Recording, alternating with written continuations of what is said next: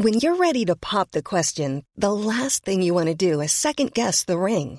At Bluenile.com, you can design a one of a kind ring with the ease and convenience of shopping online. Choose your diamond and setting. When you find the one, you'll get it delivered right to your door. Go to Bluenile.com and use promo code LISTEN to get $50 off your purchase of $500 or more. That's code LISTEN at Bluenile.com for $50 off your purchase. Bluenile.com code LISTEN. When people are happy with risk and embrace risk, then by definition, uh, prices go high.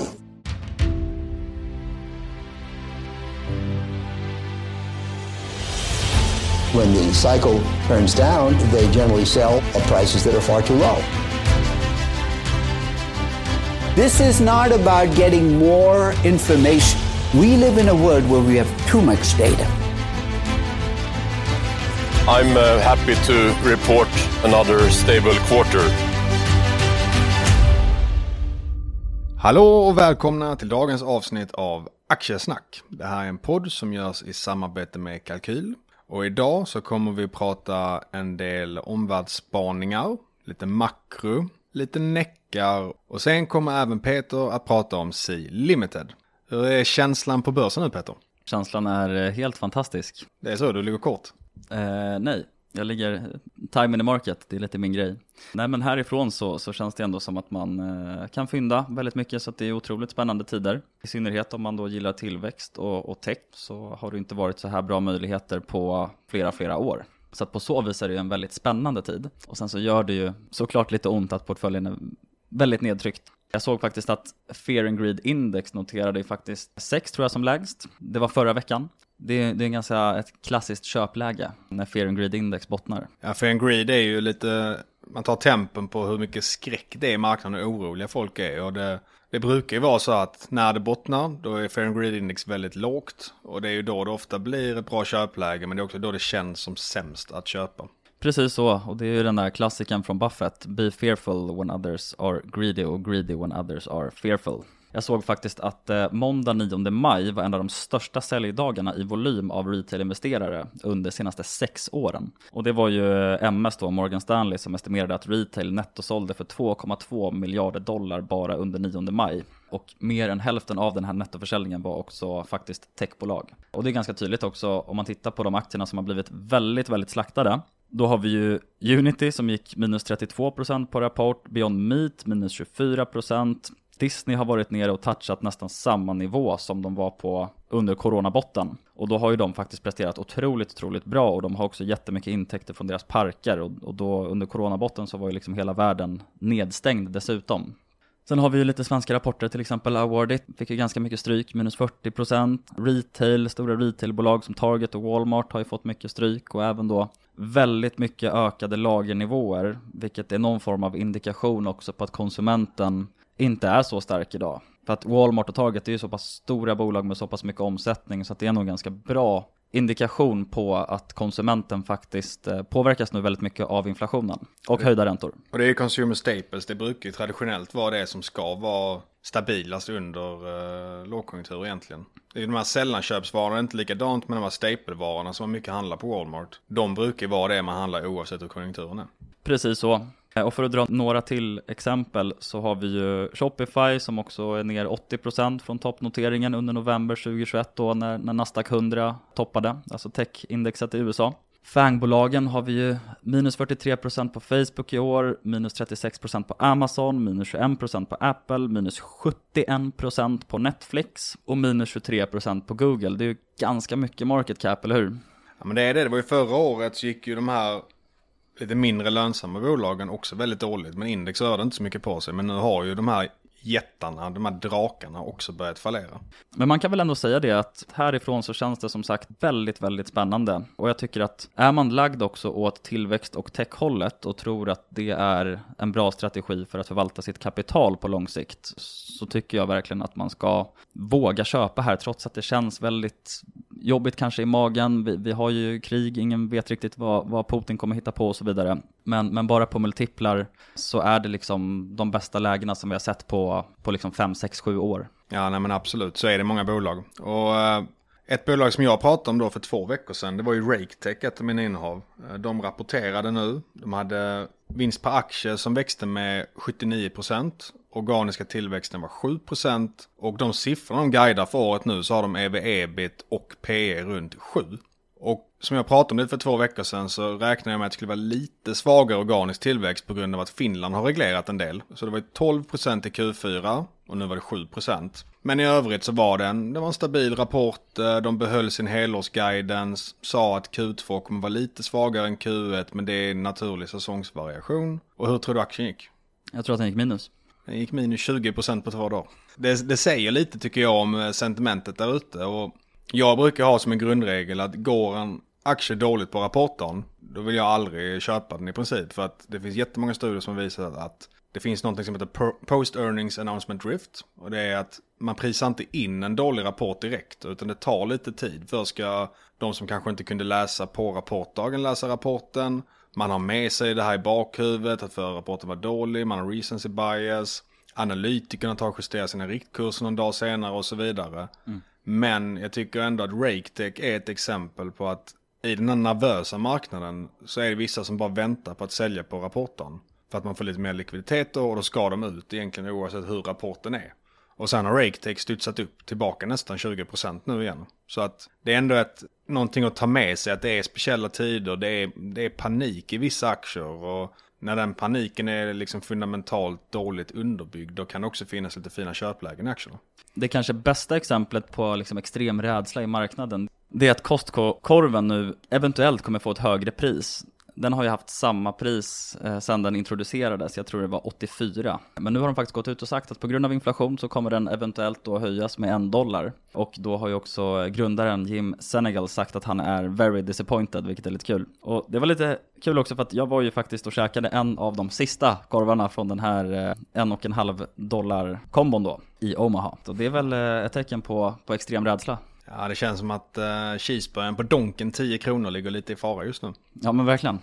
Sen också ett annat bolag som jag pratade om för några veckor sedan, Catena Media. Det är också ett affiliatebolag liksom RakeTech, alltså man har marknadsföringssidor åt operatörer inom online-casino och betting. Och där hade de en sämre rapport definitivt. De hade 9% negativ organisk tillväxt. Och mitt case har ju varit lite den aktien att det skulle vara starkt nu i Q1 när New York öppnade upp för betting. Det skulle vara starkt i början på Q4 när Ontario i Kanada öppnade upp för eh, online-spel. Men de hade ändå väldigt svaga siffror och det verkar som att Q2 till och med börjat ännu sämre än Q1. Så att där tog jag faktiskt och sålde rubbet.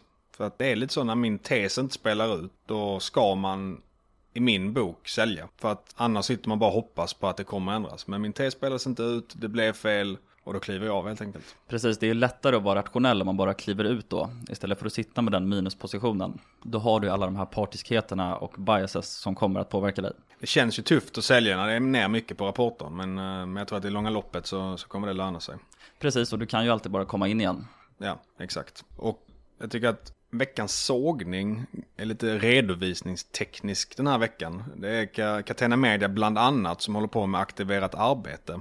Och aktiverat arbete är ju när du tar personalkostnader som du gör för att utveckla någon mjukvara och så lägger du det i balansräkningen och inte i resultaträkning så att det belastar inte resultatet. Och det kan man ibland göra, tycker jag, med gott samvete när man har någon sån speciell investering. Men Catena Media, de särredovisar väldigt dåligt vad det är som är aktiverat arbete. De lägger det i en post som heter Other Intellectual Property och då vet man inte riktigt vad som är vad. Och sen har de dessutom så att det här gör de varje kvartal. Så det är liksom bara en del av verksamheten där de pumpar in pengar i det här för att utveckla det. Och sen så redovisar de det jättedåligt.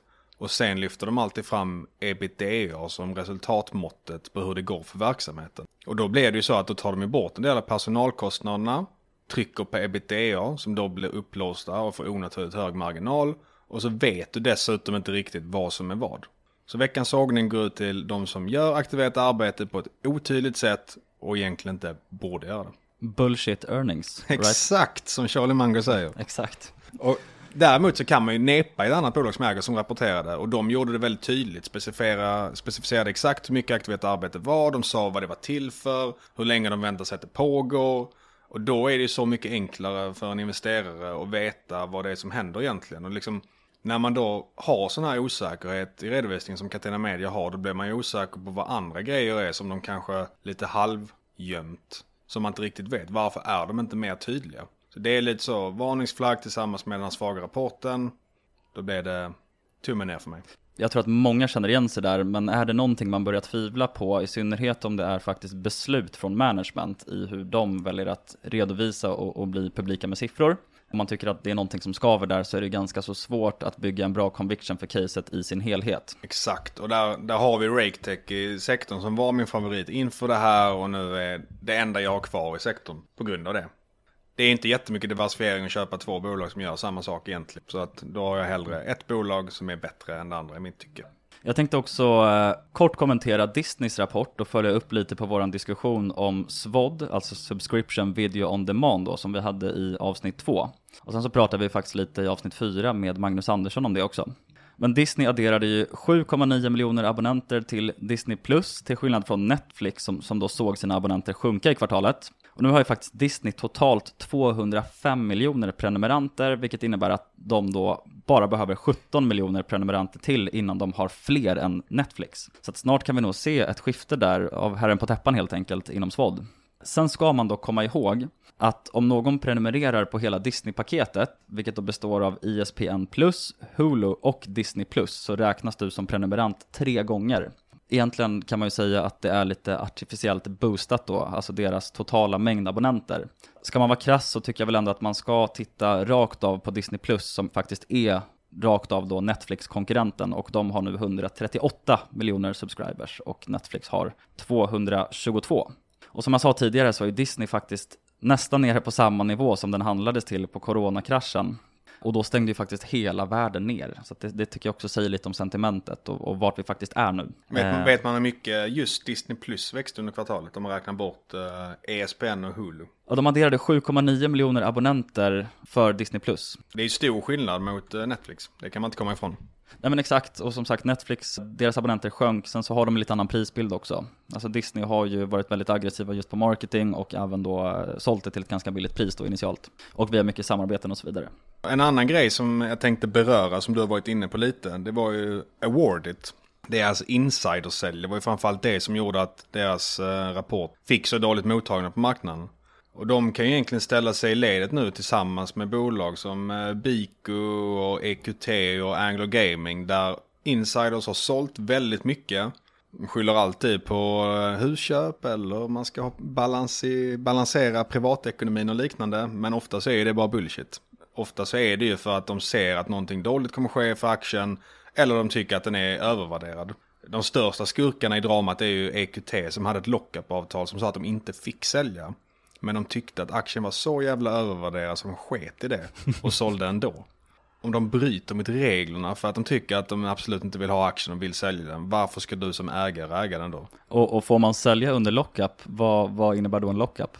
Exakt, det är också jättekonstigt. Den regeln som Awardet utnyttjar också nu, den är ju jättekonstig. För det är så att du får inte köpa eller sälja en aktie som insider inom 30 dagar innan en rapport.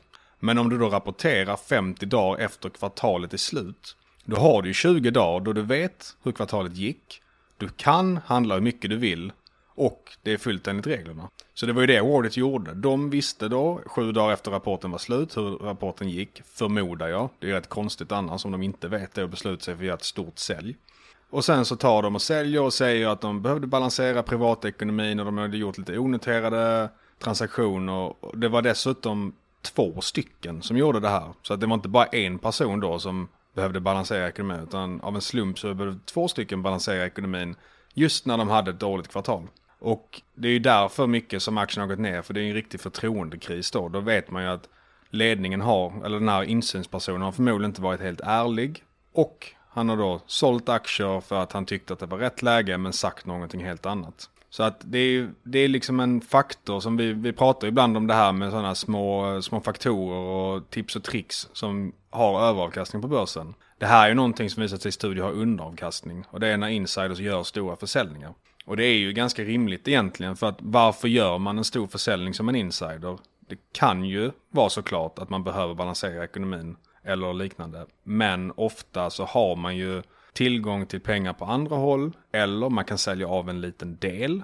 Eller så kan du ta och belåna kanske dina aktier. Men det här med att man säljer för miljarder eller hundratals miljoner eller en väldigt stor andel. Vet du hur mycket han sålde för? Han ena sålde tror jag för 25 miljoner. Vilket var 10% av sitt innehav och den andra sålde för en liknande summa tror jag. Men Awardit är också ett lite mindre bolag. Så att exempelvis eh, BIK och liknande för mig att det var miljardförsäljningar men då är det också ett större bolag. Så att man får ju ta det i consideration liksom. Absolut. Just den procentuella delen som de säljer av sitt insider ownership brukar man ju titta på ganska mycket. Ja, nej men exakt. Så kan man ju ställa den absoluta summan i relation till, är det rimligt att, att 25 miljoner behövs för att balansera privatekonomin till exempel? Exakt. Och om det då är så att han bara behövde balansera privatekonomin då hade han förmodligen bara kunnat sälja det över marknaden. Nu tog han sig dessutom, nu behövde han dessutom göra det liksom i en blockförsäljning.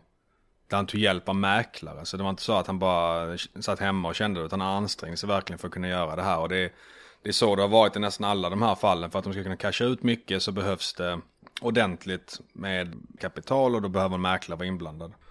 En av de värsta också det är ju Anglo Gaming med Thomas Kalita. Ja. För där har man ganska dålig insyn i vad Anglo gör. De håller på med betting på oreglerade marknader, man vet inte riktigt. Han gjorde stor försäljning, sa att det var för ett husköp. Han sålde 125 miljoner, måste vara ett jävla hus. och sen har ju aktien gått ungefär 90% ner sedan dess. Så det är ingenting som är hundraprocentigt som allting på aktiemarknaden. Det är ju inte så att om det är en insiderförsäljning att det kommer gå dåligt. Men det är ju verkligen en stark pusselbit när insider anstränger sig för att sälja mycket vid ett specifikt tillfälle. Då tror de förmodligen inte på bolaget och då finns det förmodligen en anledning till det också. Precis. Jag tänkte också bara prata lite om det här som ibland pratas lite om på Twitter. Det vill säga att aktiemarknaden bara är en distraktion från uh, the business of investing. Det är ett citat som jag tror är från John Bogle som brukar delas ganska frekvent och det är att The stock market is a giant distraction from the business of investing. Men det tycker jag faktiskt är en sanning med lite modifikation. Och det har jag känt lite nu om man då äger bolag som inte är lönsamma, till exempel då C-Limited och SmartEye som jag har i min portfölj. För bolag som då antingen ska plocka in nytt kapital så blir faktiskt aktiekursen eh, en väldigt central del för dig som investerare. Så att om aktiekursen då dyker väldigt mycket så får man göra en ny emission på en väldigt låg kurs och då blir utspädningen väldigt mycket högre än om man hade kunnat göra det på till exempel 50 eller 70% högre aktiekurs. Exakt, och då är det inte bara påverkan på aktien egentligen utan då är det påverkan på bolaget för att man har tillgång till mindre kapital och då kan man göra mindre grejer helt enkelt. Precis, och Vrider man på den och har ett väldigt lönsamt bolag och, och, det går ner väldigt mycket så kan ju faktiskt det vara en väldigt bra sak också. Till exempel ett Evolution som jag också äger, som då egentligen bara har rampat upp buybacks nu när det har gått så himla dåligt för aktiekursen. För de är ju så otroligt lönsamma som de flesta känner till. Och när aktiekursen går ner så ser de bara till att återköpa mycket aktier till en låg värdering. Så att det kortsiktiga fallet då i aktien kan ju faktiskt långsiktigt bli väldigt bra i och med att management då tar vara på den dippen helt enkelt. Det var exakt det som hände under coronan. För då var det ju alltså nettopositivt för, för Evo under coronan var ju dels såklart det här med att folk stannade hemma och gambla. Men det var ju också att de kunde köpa tillbaka aktier på en låg kurs och därmed minska utestående antal aktier. Och du som aktieägare, din andel blir mer värd då. Precis, och andra saker också som kan vara fördelar för ett väldigt höglönsamt bolag, det är att när andra bolag blir väldigt billiga så kan de ju faktiskt förvärva om man är en förvärvsinriktad verksamhet också. Exakt. Om man kan göra det med egna medel. Eh, för de som kanske drabbas mest av att aktiekursen går ner, det är ju faktiskt serieförvärvare som egentligen är beroende i sin eh, förvärvsmodell av att hela tiden trycka nya aktier. Det är ju lite lustigt där egentligen, för det blir ju att man gör ett multipelarbitrage. Säg att du är ett Instalco som har P30 och så köper du någonting som är värderat till P5. Då lägger du på en väldigt billig tillväxt till aktien. Men om Instalco skulle vara värderat till P5 och man köper för P5 då är det ju noll nettoeffekt egentligen. Så det här multipelarbitraget blir ju helt värdelöst då. Precis. Och den sista spaningen som jag har, det är ju att Elon Musk nu eh, har pausat budet på Twitter. Och det tycker jag är lite spännande för det påminner faktiskt lite om när LVMH också skulle köpa Tiffany's. För då kom ju coronakrisen precis efter. Då har man ju såklart insett att budnivån som man då initialt la, den kanske inte är lika bra längre för då har ju hela marknaden fallit med 20, 30 eller 40 procent. Och så inser man att hade man lagt budet två eller tre månader senare så hade man kunnat få det mycket billigare. Och det som är så himla intressant också med den här pausningen från Elon Musk, det är att han har ju gått ut och anklagat Twitter då för att plattformen kan bestå av upp till 20% fejkkonton och lite andra saker. Så att det är tydligt att han, han sätter väldigt mycket press på Twitters ledning här. För om budet då inte skulle gå igenom så har ju Musk blivit publik med information som, som Twitters ledning obviously inte har gått ut med själva. Och då vet de ju om såklart att det här kommer inte aktiemarknaden tycka om. Så att om inte budet går igenom så, så kan det nog eh, ske ett ganska kraftigt ras i Twitter skulle jag gissa. Så det är ju en, en förhandlingsteknik som, som känns ganska genialisk från Musk, att han sätter lite press på att budet faktiskt ska gå igenom. Och det kan till och med vara så tror jag att han kan få, få igenom det till ett, ett lägre eh, budpris. Ja, säga vad man vill om han är ju en puppet master på eh, aktiemarknaden genom Twitter. Det är ganska kul faktiskt. Nu ligger Exakt. ju priset på ungefär vad är det, 42 dollar mot hans bud på 54 och det är ju väldigt ovanligt att en aktiekurs ligger under ett bud. Och det visar ju lite vad marknaden tror och tänker om det här. Exakt, och det är också ganska anmärkningsvärt att Musk initialt också avstod från sin rätt att göra due diligence innan budet. Men då har han ändå gjort det nu helt enkelt och så använder han det liksom som förhandling. Ja, en, liten, en, en, annan lite lustig grej med Elon Musk är att Tesla har ju åkt ur ESG-indexet i eh, USA nu såg jag. Och det visar ju lite hur godtyckligt det här med ESG är. Att Saab var ju absolut persona non grata innan kriget började med Ukraina. Nu är det helt plötsligt ESG-bolag. Exxon Mobil är med på ESG-listan i USA, men man kastar ut Elons Tesla. Och Tesla har ju egentligen gjort mer för miljön än kanske något annat bolag har eller kommer göra de närmaste tiotals åren. För det är egentligen de som nästan startade, eller det var de som i alla fall drog igång elbilsmarknaden på riktigt. Och Elon tog ju och la ut alla patenten öppet så att andra bilföretag skulle kunna sno deras teknik, bygga ut deras egna elflotta och på så sätt få ner koldioxidutsläppen i världen. Så han ligger inte bara bakom Teslas framgång med elbilar utan han ligger bakom en stor del av världens framgång med elbilar. Och ändå så får de inte vara med i ESG-indexet nu. Och nu ska vi ha lite segment där Magnus tar på sig makrohatten. Min tro för hur det kommer gå med makro närmaste tiden, det är att jag tror att inflationstakten har toppat nu. Och det är mycket på grund av att de här väldigt höga prisökningarna på råvaror och liknande, de steg ju redan förra året. Och inflationstakten är ju förändringen från året innan. Så jag tror att den största förändringstakten har redan varit. Sen kommer vi gå in i tuffare ekonomiska tider. Det kommer bli mindre efterfrågan på produkter och varor och råvaror. Och då kommer det dessutom leda till att de här fraktproblemen som vi har i världen minskar. Och när det blir billigare med transport då kommer varorna bli billigare och inflationen går ner. Och när det är mindre som vill köpa saker, då kommer man behöva använda mindre olja. Så det finns också risk att oljan går ner då och det kommer finnas mycket faktorer som tyder på att det skulle kunna bli en betydligt lägre inflationstakt.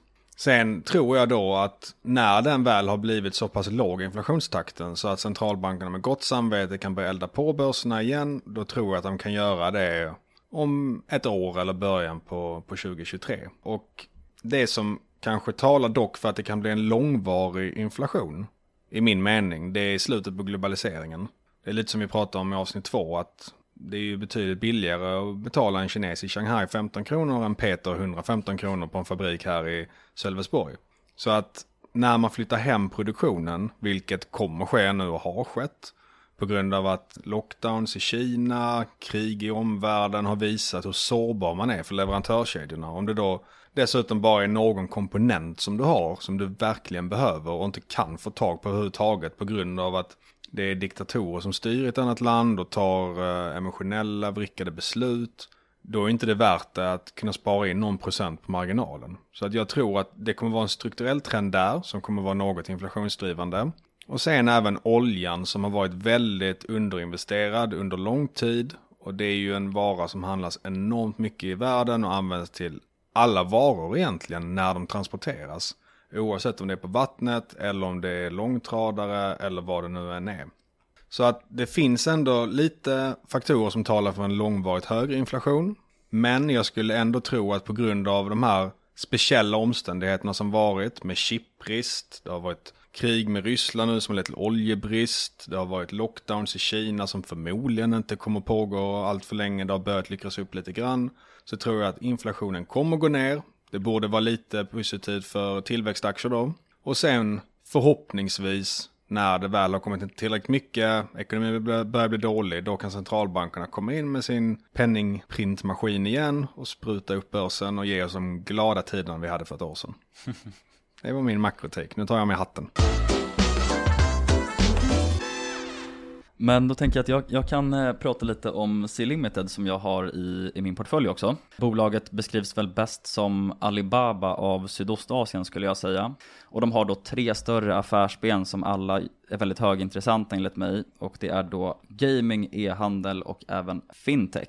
Och gaming och e-handel står nästan för hela omsättningen idag. Och det lilla fintech-benet som är framväxande, det växte med hela 360% nu i kvartalet faktiskt. Men C-Limited har ju blivit ett ganska kontroversiellt case. Många investerare som är lagda lite mer åt Graham-hållet, det vill säga lite mer åt värdeinvesterarhållet, gillar ju inte att bolaget inte är lönsamt idag. Medan investerare som är lite mer lagda åt storytelling och Philip Fisher-karaktären då, tycker väl att caset är högintressant. Så att det har blivit ganska kontroversiellt på finanstwitter.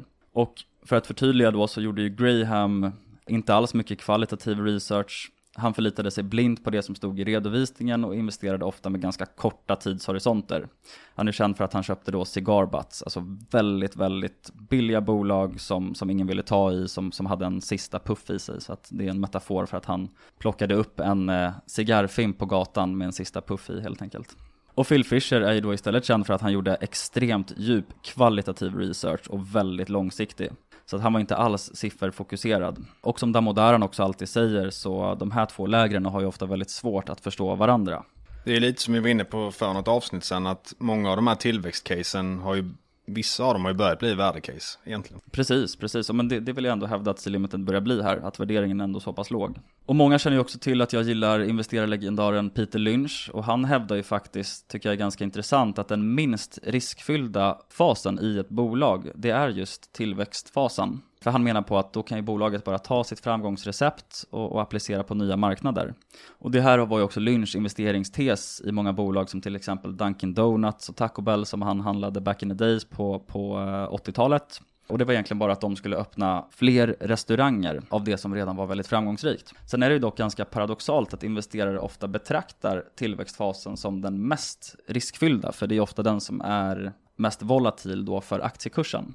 Och det är egentligen lite irrationellt kan man tycka när man lägger upp det på det viset. Hur länge har C-Limited varit eh, verksamma nu? Det grundades 2009 och då var det gamingvertikalen som Forrest Lee då grundade efter att han pluggade business i USA. Han är ju kines i grunden och så pluggade han business på Stanford i USA och det är lite kul också att tre år innan han gick på Stanford så gick ju faktiskt grundaren och vdn av Mercado Libre som är då egentligen motsvarigheten till C-Limited fast i Latinamerika. Gick exakt samma kurs som Forrest Lee gjorde på Stanford. Mm, det är också ett innehav du har väl? Det stämmer. Du gillar dina Stanford-gubbar. ja, eller hur? Ja. Nej men det, det, är bara en liten kul eh, anekdot att eh, båda de har då motsvarigheten till Alibaba skulle man kunna säga, eller Amazon för den delen i, i då Latinamerika och Sydostasien. Och sen så var det ju att de nästan pluggade exakt samma år på Stanford, exakt samma kurs. Men en annan lite rolig take på hans tid också på Stanford var ju att han var på Steve Jobs omtalade avgångstal 2005 på Stanford och bevittnade det live. Det är värt att se på YouTube om man inte har gjort det. Det, håller jag verkligen med om. Och Forrest Lee är faktiskt så uppslukad av Steve Jobs så att han eh, tittade på det här talet två, tre gånger om dagen i flera månader för att då få inspiration till att bli just entreprenör. Och det var då det som ledde fram till att han faktiskt startade Garina helt enkelt. Jag tänkte berätta lite kort om någonting som jag tycker eh, har varit lite missförstått i C-Limited. Är det bruttomarginalen och den här biten? Ja, precis. Det är ju då bruttomarginalen för Shopee. Och Shopee är den här eh, e-handelsbenet? Shopee är då deras marknadsplats, e-handelsmarknadsplats. Så det går att jämföra direkt med till exempel Tmall och Taobao som är Alibabas marknadsplatser i Kina. Eller då med Amazon för den delen som är störst i, i USA. Det är många som har tvivlat på om Shopee faktiskt är en marknadsplats eller om de säljer varor själva givet att bruttomarginalen är så himla låg. Den är ju ungefär 20% idag. Så jag har gjort lite grävjobb där och bruttomarginalen består ju eller take-raten ska jag säga, består ju vanligtvis av flera komponenter, det vill säga... Och vad innebär take-raten? Ja, det är ju det som, som bolaget tar av det som säljs på plattformen. Så att om det säljs någonting för, för 100 kronor och eh, C-Limited har då 10% i take-rate så tar ju de då 10% helt enkelt av den försäljningen. Så att man skulle kunna se det som deras provision. Om en säljare säljer någonting på deras plattform så tar de en provision på den försäljningen helt enkelt. Och den består ju vanligtvis av komponenterna då som är ett, det är provision på försäljning, det är två som är ads och det är tre payments och fyra logistik. Och för närvarande så kommer då 80% av SIS take rate från logistik och payments. Och de här intäkterna har ofta väldigt låga eller inga marginaler alls eftersom att de har en tillhörande kostnad vid försäljningen som nästan helt täcker intäkterna då som genereras. Så erhållna logistikintäkter betalas ut nästan helt som kostnad för att fullfölja då orders. Och Shopee subventionerar nu det här också och har dessutom fri frakt på allting. På samma sätt då med betalningar så finns det en motsvarande kostnad för då banken eller kreditkorten eller då den som äger det underliggande nätverket helt enkelt, som ofta är då Visa och Mastercard, för att utföra transaktionen. Väldigt liten nettomarginal går ju tillbaka till plattformen för just logistik och payments. Hur är, hur är tanken där? Varför har de så låg marginal på det och hur ska de ändra det? Provision på, på försäljningen, alltså om de bara höjer priset helt enkelt, det är ju någonting som ramlar rakt ner på, på gross margin och, och eh, sen till ebit och sen även sista raden. Samma sak med ads, det har ju också i princip ingen marginalkostnad. Det är egentligen någonting som de bara kan aktivera, vilket de har gjort nyligen. Det är det här jag tror kan få ver verkligen eh, hävstång eller operating leverage som man brukar säga på både gross margin och således också neråt i, i resultaträkningen. Och de har ju alltid haft en strategi att de har haft en väldigt låg take rate, den ligger i dagsläget på 7%. Och faktum är också att Shopee hade faktiskt 0% i bruttomarginal så sent som för, för lite mer än ett år sedan bara. Och nu har de alltså ungefär 22%. Så det är lite så Amazon-strategi egentligen, växa väldigt kraftigt med hjälp av minusresultat egentligen. För att kunna få hela marknaden och sen kan man få lönsamhet längre fram. Exakt så, för den kommissionen de tar, den korrelerar väldigt mycket om man tittar på mer mogna marknader och mogna bolag inom de här vertikalerna, alltså inom e-handelsmarknadsplatser. Så kan man se att de som faktiskt är störst de kan också ta mest betalt för att de har ju den här moten i nätverkseffekten som tillkommer när de har fler säljare på plattformen så kommer fler kunder och fler kunder genererar, genererar mer säljare. Och Amazon har ju faktiskt upp till 30% take rate på de kunderna som eh, har alla de här tjänsterna, alltså som har logistik och som har lagerhållning och som har ads via Amazon. Så det är väl en ganska bra indikation ändå, eller ett bra case att titta på det och tänka att ja, men, SIS take rate kommer ju också bli, bli större. Och tittar man på den historiskt så, så har den en väldigt tydlig trend uppåt. Den var ju bara 3% för två år sedan och nu är den 7% till exempel. Och det har ju knappast hämmat topline. Och själva, själva tanken med det är väl lite att nästan bli ett Google fast för handel. För Amazon är ju lite det idag att om jag ska köpa några konstiga piller istället för att googla på det så brukar jag gå in på Amazon och skriva för då vet jag att jag kan få det hemlevererat till mig. Om jag bara skriver det i Google då kan det komma upp en massa sidor från England som inte levererade och så vidare. Så att, att få in kunden och ha den så att de söker på din plattform det är ju värt väldigt mycket. Precis och det kan man också se en trend i att Amazon har ju faktiskt blivit ganska stora just inom sök som du säger. Och för att koppla tillbaka till Shopee så är ju de också typ bäst i världen på time spent i appen. Så att de är väldigt duktiga på gamification och engagement när det kommer till handel. Och därav så tror jag också att de kommer kunna bli väldigt framgångsrika när det kommer till ads. För har de många ögon i appen och om folk faktiskt har appen öppen väldigt länge så, så borde det mynna ut i att de faktiskt kan få mycket betalt för deras ads också. Amazon, de är ju lite mer transaktionsfokuserade. De har ganska låg timespent i appen. Det är mer att du bara söker upp en produkt och så köper du det och så vet du att den levereras typ samma dag. Så där har Shopee eh, också lite hävstång på att de är väldigt duktiga på det. Och sen så tror jag även att marginalen på take raten kommer bli bättre för att i takt med att de blir större så kommer de också kunna squeeza suppliers och även eh, de som har det underliggande betalningsnätverket. För att med storlek så får de mer power i sin förhandling på det sättet. De blir mer beroende av Shopee. Precis, så att jag tror att självkostnaden på deras take rate, den kommer gradvis bli mindre samtidigt som de kommer kunna öka take raten med vertikaler som har väldigt låg marginalkostnad. Så jag tror att härifrån så, så ser i alla fall jag att de kommer kunna ha en väldigt bra operating leverage som det kallas. Och den biten tror jag som sagt är lite missförstådd just nu givet vad jag läser på Twitter om caset. Och som sagt så är den här trenden eh, närmast bestämt också linjär, det vill säga att take-raten faktiskt ökar i takt med att GMV ökar. Och GMV det är ju liksom försäljningen som sker på plattformen. Och den ökar också i takt med att de blir större än konkurrenterna. Och just nu så är ju faktiskt Shopee tre gånger så stort på GMV i jämförelse mot Lazada, som då är Alibabas dotterbolag faktiskt, som opererar i Sydostasien också. Men det är ganska spännande också det här med relationen till konkurrenterna, för att om Shopee är så pass mycket bättre på time spent in app, eh, driva transaktioner, de har mycket mer GMV, har mycket mer säljare och således mer kunder, så har ju också säljarna brist på andra bra, bra alternativ, vilket också bör kunna innebära att de kan eh, öka take-raten ännu mer. Och för att vara transparent så är Limited mitt näst största innehav just nu. Intressant, värt att läsa mer om. Då ska jag ta och snacka lite Necka nu istället. Det är ju ett norskt bolag som egentligen påminner lite om Hav Group som vi pratade om för några veckor sedan. Det är billigt, de håller på med havsverksamhet och det är lite ESG-case. De har EV-bit 5 och PE ungefär 8. Och huvudverksamheten är att de håller på med skeppliftning. Så att när du behöver till exempel underhålla ett fartyg eller när du behöver måla om det, då måste man ju ta upp det ur vattnet. Och då designar de stora apparater eller anläggningar som man har i hamnar som lyfter upp fartygen i vattnet. Och den här huvudverksamheten står för ja, i princip 90% av intäkterna. De har en väldigt stor backlog och aktien är ner ungefär 30% sen toppen. Och jag tror en stor anledning till det är att man inte har fått in så mycket order senaste året. Och min spekulativa gissning som jag inte har några bra belägg för egentligen. Det är att det har varit väldigt, väldigt höga fraktpriser senaste året. Senaste två åren egentligen.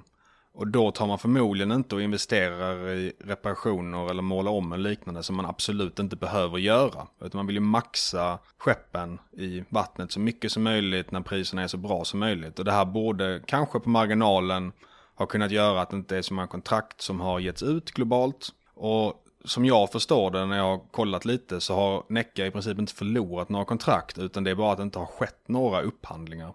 Och Necka säger själva att när det sker upphandlingar som de är med i, då vinner de minst två tredjedelar av dem.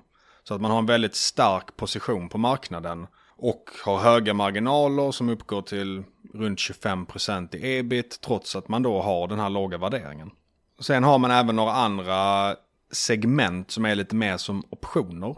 Man har eh, någonting som de kallar för eh, Skywalker, inte att förväxla med Mr. Luke. Det är någonting som ska hjälpa att bygga vindkraftverk på ett mer eh, effektivt och billigt sätt. Det ligger några år ut i tiden. Sen har man även någonting som heter Starfish. Som handlar om hur man ska odla lax i burar. Och då tar ju fiskarna och kan sprida sjukdomar, de kan bajsa på varandra. Och då ska man med hjälp av den här anordningen ta och rensa ut och helt enkelt göra vattnet renare på ett kostnadseffektivt sätt. Som gör att laxen inte flyr heller när man gör detta. Och där ska de starta med storskalig produktion under sommaren i år. Men jag ser också det som en option. Jag, när jag räknar på caset så räknar inte jag med de här två delarna alls. Sen har man en lite mindre SaaS-business också. Där man har mjukvara för offshore-anläggningar som exempelvis eh, oljeborrning och vindkraftverk ute till havs. Och vindkraftverk ute till havs tror jag definitivt kommer växa närmaste åren.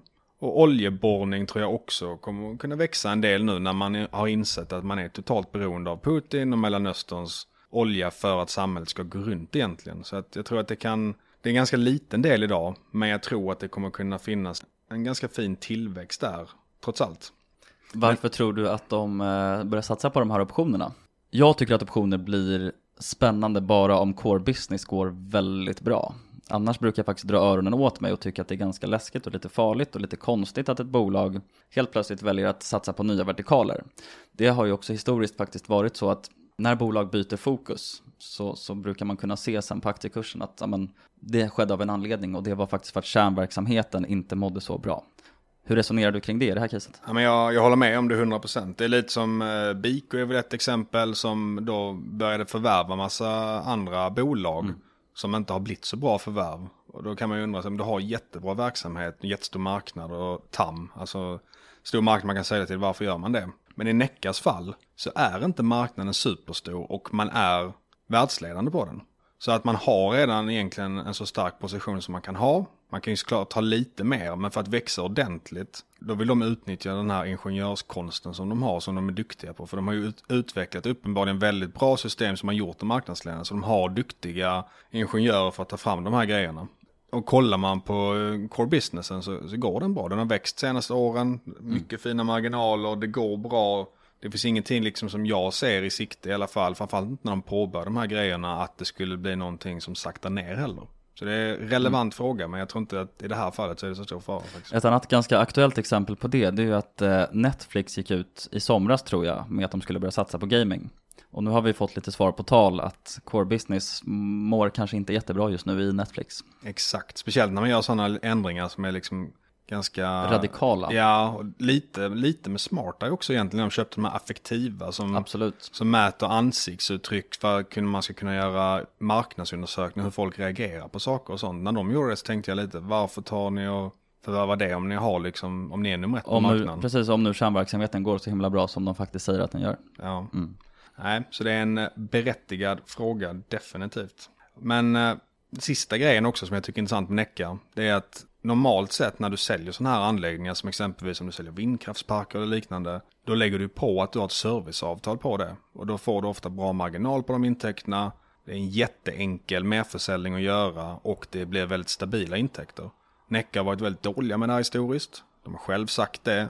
Nu har de gått ut och sagt att de ska börja öka fokus på detta. Och de har dessutom gjort det senaste året. Så att jag tror att man kommer kunna ha tillväxt inom det benet. Håller man sig bara på en bra nivå med grundverksamheten så har du en väldigt bra business, billig värdering och sen har du också de här lite halvoptionerna som skulle kunna bli någonting. Men jag tycker att även om de inte blir någonting så tycker jag man kan räkna hem caset. Och det är det vi vill göra, Exakt. räkna hem case. Sen ska man ju ha med sig att det är ett norskt case och norska case Är generellt lite billigare värderade va? De är det och eh, när man pratar med folk som har varit eh, i Oslo så säger de att det läcker ju som ett såll på uh, avvisarna där på fredagar. De här uh, sofforna de sitter i exit vid vattnet där. Att där, där snackas det rätt mycket. Det tycker jag man kan se också ibland på, på när det kommer rapporter från norska bolag. Och man liksom, man förstår inte varför går aktien ner 25% inför en rapport. Och, Och sen läcker, kommer en skitdålig rapport. Ja, du menar liksom informationsläckage? Att det skulle pratas om någonting som har hänt i ett bolag innan faktiskt informationen blir publik? Så det är egentligen inside-information kan man säga Ja. som läcker lite. Och därför är det lite, lite rabatt på de här bolagen. Jag har ju själv inte varit där på, i exit-sofforna och lyssnat, men det är vad jag hört i alla fall. Och just av den anledningen så tyckte jag att det var lite läskigt också det här fallet i Pexip.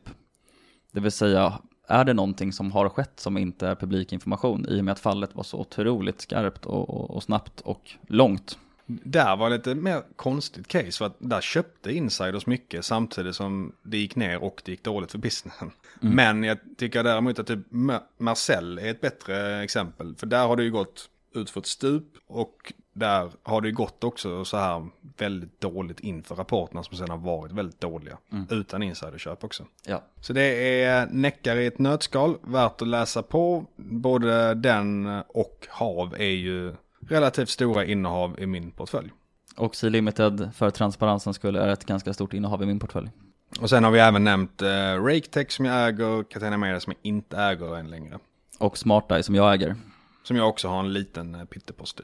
Så det var väl avsnittet idag. Eh, sammanfattningsvis så eh, Vi är optimistiska. det, det är vi, på sikt i alla fall. Det kan bli ett stökigt år, men det är ju långsiktigt bättre att köpa nu än vad det var för 20% sedan.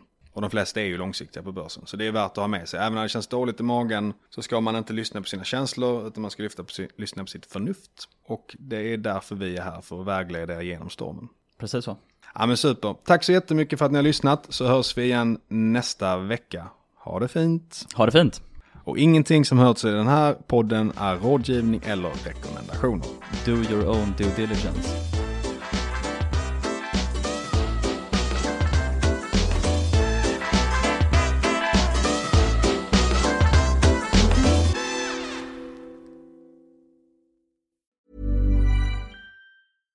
Mom deserves the best, and there's no better place to shop for Mother's Day than Whole Foods Market. They're your destination for unbeatable savings, from premium gifts to show-stopping flowers and irresistible desserts. Start by saving 33% with Prime on all body care and candles. Then get a 15-stem bunch of tulips for just $9.99 each with Prime. Round out Mom's menu with festive rosé, irresistible berry chantilly cake, and more special treats. Come celebrate Mother's Day at Whole Foods Market.